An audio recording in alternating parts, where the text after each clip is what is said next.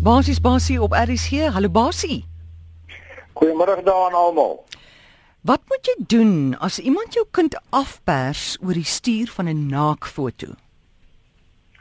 Ja, ek dink dit is 'n baie baie ernstige vraag en, en dis 'n vraag wat baie mense regtig hoofbrekens gee.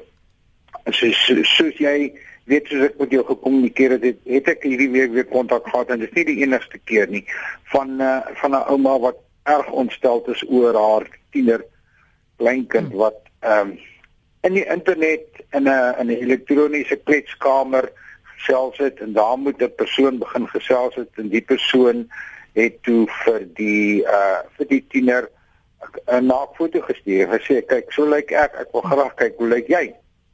En die kind het net almal onverantwoordelik daarop gereageer en nou soos wat 'n mens sou kon verwag in die kuberruimte word die kind afgepers en gesê dat as jy nie uh, vir my 'n sekere bedrag geld betaal nie, dan gaan ek hierdie foto van jou op die sosiale netwerk sit. Nou en en ek weet daar's talle ouers wat wat spook hiermee. Daar's talle ouers vir wie dit soort van 'n nagmerrie is dat dit kan gebeur. En en die vraag wat mense dan wil weet, as dit met jou gebeur, wat moet jy maak? En eintlik het ek nie 'n antwoord nie. Ek is baie baie eerlik, daar is nie 'n antwoord nie. Jy kan na die polisie toe gaan, kan by die polisie gaan rapporteer. Polisie gaan sê ja, maar ons kan niks daaraan doen.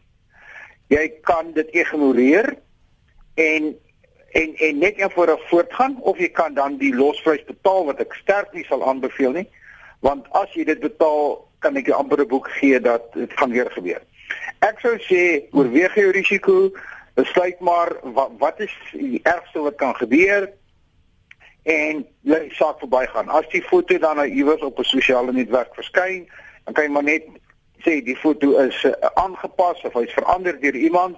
Dis nie ek nie as jy net nou 'n bietjie eerlik wil wees, maar die belangrike punt is moenie dit gebeur nie. Dit is 'n verkeerde fout. As ons 'n fout kan ja. sê wat verkeerd is, hierdie is 'n groot verkeerde fout. So, bly weg daarvan. Praat met jou kinders daaroor. Uh selfs met jou senior tieners, praat daaroor dat dit nie gebeur nie. Dit is iets waar jy nie kan kom nie. Eers daarin is as jy vasgevang. Basie, is daar nie 'n manier om uit te vind van waar of van watter foon en waar hulle die die persoon vir die eerste keer vir hom iets gestuur het nie? Jy sien die, die, die dit dit is 'n goeie vraag en dit is die vraag wat baie van die ouers my ook vra.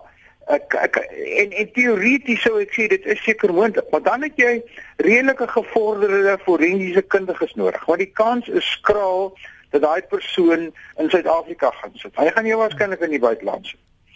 Uh en en jy weet mens moet ook hier gaan kyk dat waar gaan jy daai kundigheid, daai tipe kundigheid in Suid-Afrika as skaars. Jy gaan nie sommer net eenvoudig by 'n gewone rekenaarwinkel instap en sê help my hierdie saak ondersoek nie. Dis dis redelik tegnies om om daai forensiese ondersoek te doen.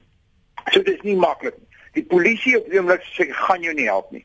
Die polisie het het groter sake waarmee hulle forensiese ondersoeke doen om groter nasionale dinge te te bekyk die kundigheid wat hulle het gebruik wat daarvoor. So jy gaan nie gehelp word. Dit is die frustrasie van mense wat in so 'n posisie kom. Niemand wil of niemand kan my help nie. En dis die realiteit van die saak in Suid-Afrika. Laat ons dit maar vir mekaar in die oë kyk en sê dis die realiteit. As jy in daai posisie gaan kom en baie ander mense op ander maniere wat ehm um, deur bedrog en korrupsie geld verloor.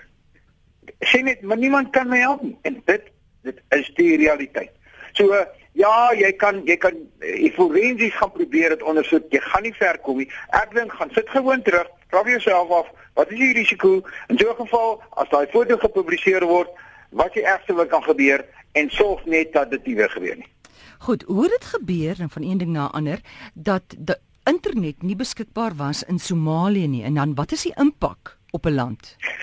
Dis ek dink dit is 'n dit is 'n baie interessante situasie. Somalië sien ons nou maar baie keer maar as 'n land daar ver iewers in in in in in Noord-Oos-Afrika as as my rigting nou reg is.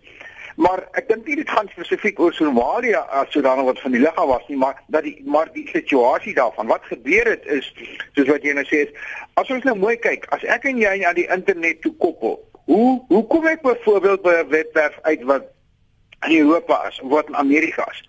Dis nie sommer net dat die ding hier deur die lug gaan en deur telefoonlyne nie.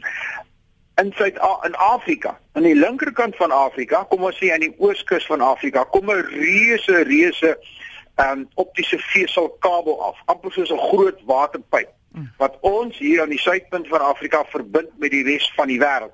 Jou jou boodskap gaan in daai pyp in in daai veselglaskabel in en hulle word in blits in dele van 'n sekonde word hulle na die wêreld verstuur. Nou daai pyp wat afkom hier in die ooskus van Afrika het nou uitlopers, klein pypies as ons dit sou kan stel wat na die verskillende lande in Afrika toe gaan. En een van hulle natuurlike aftappunt na hierdie kabel toe is na Somalië toe, Somalië toe. En 'n boot het op een of ander manier daai kabel, daai onderseese kabel wat Somalië verbind aan die hoofkabel wat langs die ooskus van Afrika gaan, hy daai kabel afgesny. En letterlik die gevolge vir vir daai land is, jy weet, dis enorm. Vir 3 weke lank was hy totaal afgesny van die wêreld, van die internet. Die universiteite het fisies tot stilstand gekom. Skole kon nie oopmaak nie. Winkels moet fisies hulle deure toemaak want hulle kon nie besigheid doen nie want hulle is nie op die internet nie. Hulle is nie beskikbaar nie. Dink jouself aan.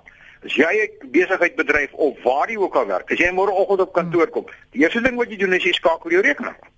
En as jy rekenaar nie werk nie, sien internet af is, hulle hulle beweer dat dit Somalië miljoene rande, miljoene dollar, oh, 13 ja. keer miljoene rande per dag gekos vir die hierdie weke. Maar so die boodskap is, jy weet, miskien moet jy maar net in jou agterkop hou, hoe afhanklik is ons van die kuberruimte en wat is die gevolge as 'n kabel soos hierdie gesny word? Katastrofies. Kan dit met Suid-Afrika gebeur?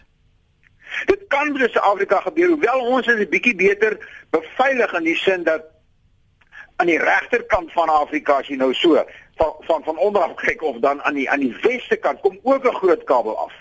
So ons is redelik veilig in die sin dat ons twee groot voerkabels het wat ehm um, aan die, aan die, aan beide kante van die vasteland afkom. So as jy een dan heeltemal kalf, kan mense met die ander een gaan en daar's ook 'n groot kabel wat hier van die weste bog van Afrika af uitgaan Amerika toe. So ons is bietjie meer beveilig, maar in teorie kan dit met Suid-Afrika gebeur. Dit kan gebeur deur 'n ongeluk, deur die kabel wat onderbreek word of of uh, of of afgesny word of wat ook al so per ongeluk, maar dit kan ook doelbewus gebeur in terme van en dan begin ons praat van kiber kiberoorlog of kiberaanval dat dat 'n land wat jou wil skade berokken hmm. hierdie kabels van jou afsny. Gelukkig is daar ontwikkelings oor byvoorbeeld Google wat nou besig is om alreeds satelliete te lanseer, hulle eie satelliete, want 'n ander manier natuurlik om internetkontak te hê is deur middel van satelliete. Dan is jy nie afhanklik van hierdie kabels nie. So soos wat ons meer satelliete kry wat gewoonlik stadiger is en dis die voordeel van die onderseese kabel hy's baie vinniger maar as ons meer kaal meer satelliete kry kan ons ook meer by onbereikbare plekke begin uitkom wat uh wat die probleem kan ondervang. Maar jou vraag is ja potensieel kan dit met ons gebeur dit kan nag wees so soos wat dit op die oomblik lyk my lyk op Gauteng se paaie. Ooh, praat jy en jy kan so bly wees jy sit tans in Mosselbaai né Ek is so bly, jy weet as die, die verkeer hier is so druk in die middag 5 uur dat jy met vir 'n kar wag by 'n stofstraat. Wel ag jouself baie gelukkig. Dankie Basie. Dis professor Basie van Solms en jy kan hom kontak by rsgbasie@gmail.com of kontak www.cybersecurity.org.za. Dis die webtuiste by UJ wat vir jou meer nuus en inligting kan gee oor kuberkrakers.